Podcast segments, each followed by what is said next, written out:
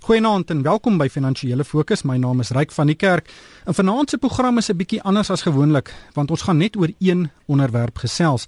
Ek het 'n e-pos van 'n luisteraar ontvang wat vra dat ons 'n bietjie oor eiendom moet praat, omdat dit gewoonlik die grootste enkele bate is wat huishoudings besit. En wel vanaand het ek twee van die grootste name in die Suid-Afrikaanse eiendomsbedryf op die lyn. Uh, John Loos is 'n eiendomsekonoom by Eerste Nasionale Bank en iemand wat geweldig baie navorsing oor die tendense in die eiendomsbedryf doen. Goeienaand John. Goeienaand Ryk. En dan is Erwin Rode op die lyn uit Kaapstad. Uh, Erwin is natuurlik 'n legende in die eiendomsbedryf en die hoof van sy eie navorsings- en konsultasiegroep Rode en Vennote. Goeienaand Erwin. Goeienaand Ryk. Maar John, kom ons val sommer met die deur in die huis. Gerard Willems het vir my 'n baie lang e-pos geskryf. Hy is 'n ontwikkelaar en hy besit verskeie eiendomme reg oor die land. En hy is baie bekommerd. Hy's bekommerd oor eiendomspryse en hy's bekommerd oor die ekonomiese vooruitsigte vir Suid-Afrika en die impak wat dit op eiendomspryse kan hê. Kan jy vir ons miskien net om te begin 'n oorhoofse prentjie skep van die gesondheid van ons eiendomsmark? As mens 30000 voet in die lug is en jy kyk af na Suid-Afrika, hoe sal jy ons eiendomsbedryf se gesondheid opsom? Kyk ek as 'n mens net suiwer kyk na eiendom, los nou eers die ekonomie wat hom ondersteun vir 'n minuut. Kyk na die eiendomsmark, daar was heelwat verbetering in die vertoning sedert 2009. As mens kyk na volume van transaksies, dit was omtrent 17000 'n maand soos ons bereken in 2009, nou 22000 om 'n perspektief te stel. Dit is nie 'n sogenaamde boom nie. By terug in 2004 was die volume transaksies per maand omtrent 33000. So ons is ergens in die middel tussen waar ons was op die piek van die boom en die en die bodem daar in 2009 opbrengste koerse op eiendom met 'n bietjie ver, verhoog vanaf ons ons berekening van 7.4% gemiddeld. Dis 'n bruto opbrengste koers. In 2008 bietjie meer aantreklik op 9% nou gemiddelde natuurlik so die aantreklikheid van die die vertoning van eiendom het 'n bietjie verbeter. Huisprys groei van 8.6% jaar op jaar is nie te sleg nie maar dis nie daai 20-30% van 'n aantal jaar gelede. So dinge gaan beter. Die balans tussen vraag en aanbod is is heelwat beter as 5 jaar gelede Maar dit gesê, 'n mens moet kyk na die ekonomie. Die ekonomie is die ding wat die eiendomsmark ondersteun. So is hierdie vertoning volhoubaar en daar moet mense 'n paar vraagtekens natuurlik vra. Eerstens, ons het abnormaal lae rentekoerse vir hoe lank gaan dit so bly? Ons weet ons gaan nou in 'n stygende rentekoers siklus in. Hoe ver gaan dit gaan dit styg? Dit sal iets wat negatief wees. Ons het 'n baie ongebalanseerde ekonomie waar hy uh, jy weet die die, die nasionale besteding is ver bo kan die nasionale inkomste, met ander woorde 'n lopende rekening tekort en ons het 'n groeikoers wat sukkel om by 2% uit te kom en ons moet nou deur deur die sogenaamde tapering van stimulus daar in die FSA en die groot ekonomieë gaan wat dit wat ons kan negatief raak. So daar is heelwat risiko's nog in die wêreldekonomie en die plaaslike ekonomie.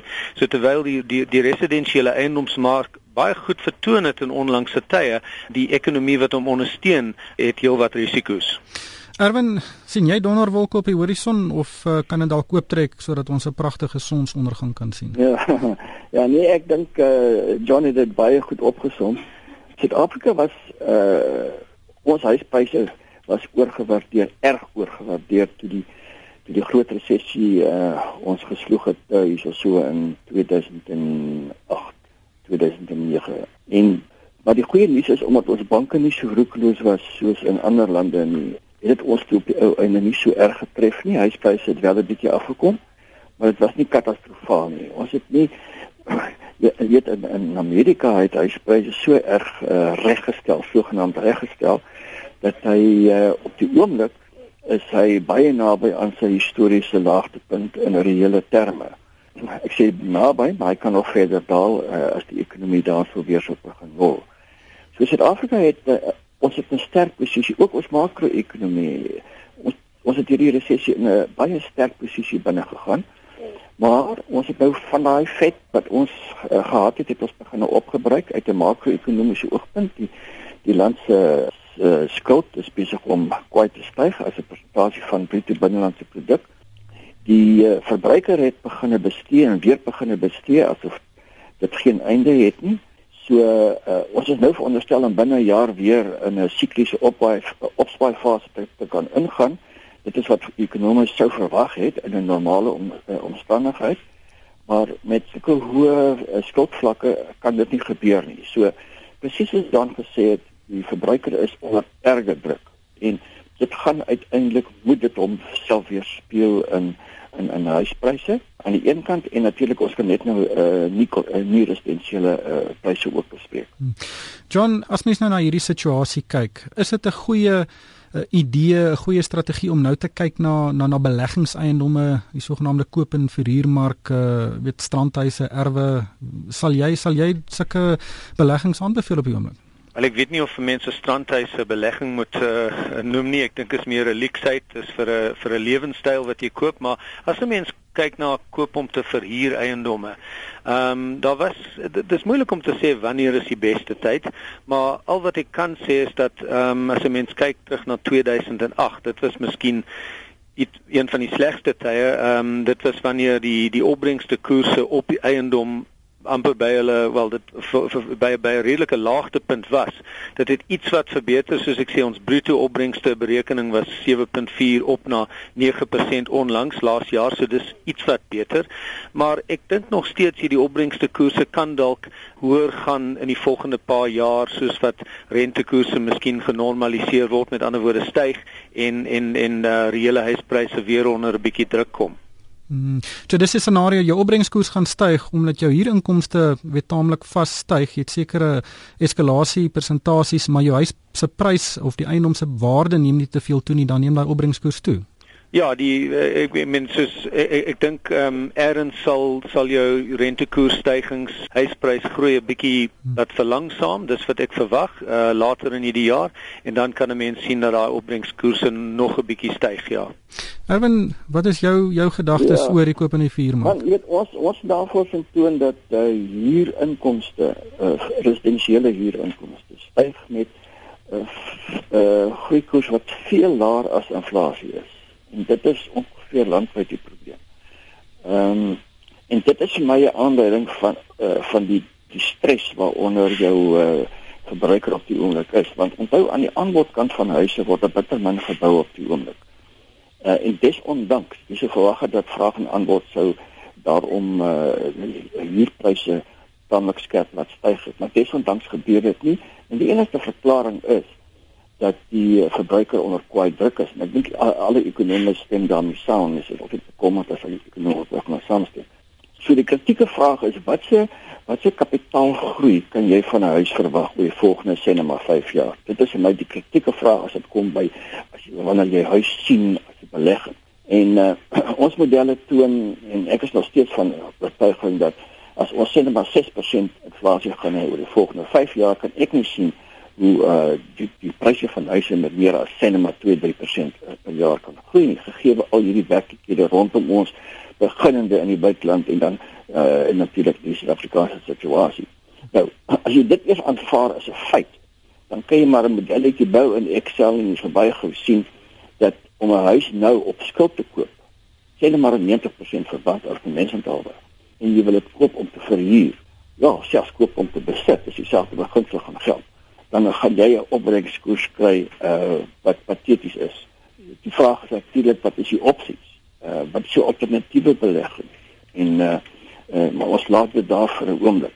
Maar as jy kontant koop kan dan dan ewesklik lyk die sommetjies nie so sleg nie gegee jy alternatiewe beleggingsopsies in Suid-Afrika en in die res van die wêreld.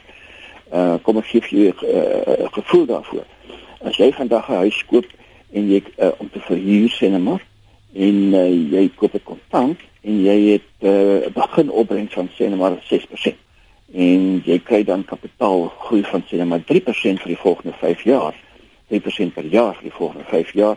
3 plus 6 gee vir jou 'n 9% totale opbrengs nou dis nou voorbelasting natuurlik maar dit is nie te gok nie jy weet in die, in die onsekere tye waarin ons leef beskou ek dit is 'n redelike opbrengs maar 3% kan miskien selfs 4% wees van totale totale opbrengs van 10% vergeleke met 'n 6% groei in jou eh, in jou inflasiekoers. Maar soos gesê, die moment wat jy 'n 90% verband insluit in in jou berekeninge, dit is wanneer die hele ding uitmekaar uitval en dan uh, maak dit glad nie sin suiwer uit 'n beleggingsoogpunt. Hmm. En uh, en dan het ek nog nie eers ingereken die moontlikheid dat rentekoerse gaan begin styg oor die volgende paar jaar nie. dit is uh, gebou op die aanname dat rentekoerse glad nie gaan styg nie wat 'n belaglike aanname is. Ja.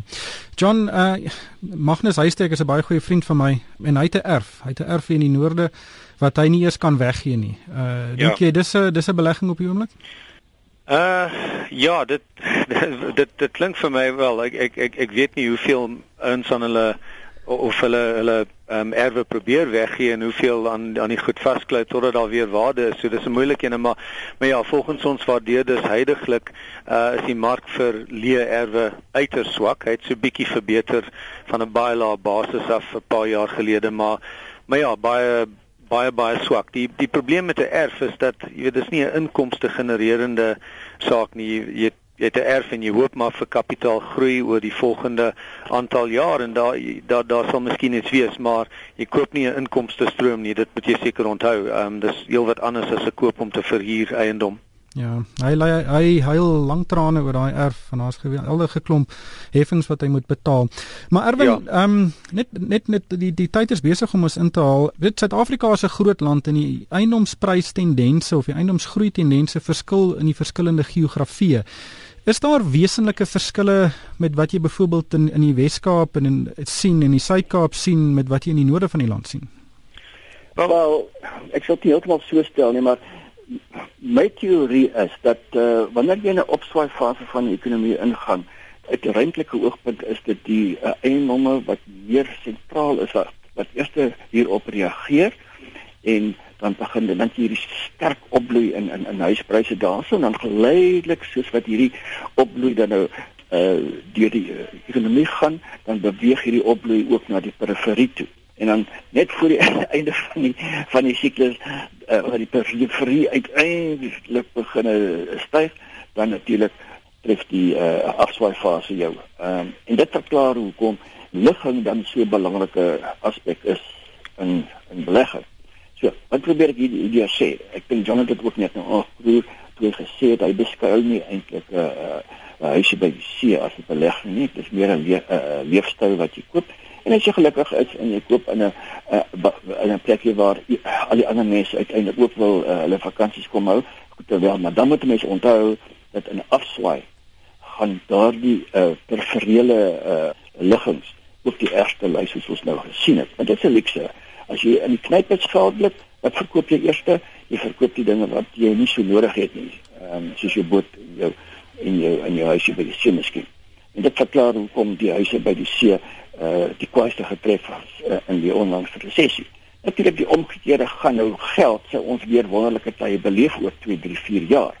So jy kan 'n uh, posisie inneem. Goed, ek is nou bereid om te koop uh terwyl pryse op 'n laagte punt is en ek uh, uh, byt vas. Dis uh, sit te skuld. Ek gaan dit nodig kry nie. Ek het genoeg likwiditeit in my portefeulje. So uh, daar is definitief daar die siening en 'n mens kan daar dieselfde siening natuurlik inhou met met met leë erwe sê maar in 'n goeie ligging en sê net maar uh die moontlike voordele van Johannesburg. Ehm um, ek persoonlik sou dit nie nie ek uh, ek ek hou van my likwiditeit want dit hang af van waar mense in in in die lewe siklus natuurlik is. John net laastens Gerard vra aan ook in sy e-pos oor beleggings in die buiteland veral in in Londen en dan het hy ook sy oog op 'n belegging in Mauritius. Hoe hoe dink jy met Suid-Afrikaanse beleggers um buitelandse eiendomsbeleggings evalueer? Wel ek dink uh, ja, dit dis dis on, ons moet net nie in die uh, die die die meerderheid mense val in daai trap van koop op die buy on the highs soos hulle sê en sell on the lows wat verkeerd om as jy mos buy on the lows en sell on the highs. En die indruk wat ek kry, ek ek moet sê ek ek bestudeer nie in detail die buitelandse eiendomsmarkte nie, maar die indruk wat ek kry is dat Londen se mark baie baie goed vertoon het in in in onlangse se tye. Ek dink 'n mens moet dalk liewerste kyk na daai lande wat deur heelwat moeilikheid gegaan het in on, onlangse jare deur die krisis en so aan en waar daar miskien meer waarde vir geld is, waar jy weet waar die waar die eiendoms maar die ekonomie baie meer gesukkel het um, en en en baie meer baie groter resessies dalk gevat het. Miskien iets soos Griekeland. Ek weet nie maar die fout wat ons maak is baie keer nadat 'n mark baie goed vertoon het vir baie lank, dan wil ons gaan koop. Dit is baie keer die verkeerde tyd om te koop. Wel hopelik sien ons nie vir Gerard binnekort op 'n Griekse eiland nie. Maar uh, ongelukkig het die tyd ons ingehaal. Baie dankie aan John Loos van Eerste Nasionale Bank. Baie dankie John. Dis plesier. En Erwin Rode van Rode en Genote baie dankie Erwin. Plesier. En van my ryk van die kerk baie dankie vir die saamluister.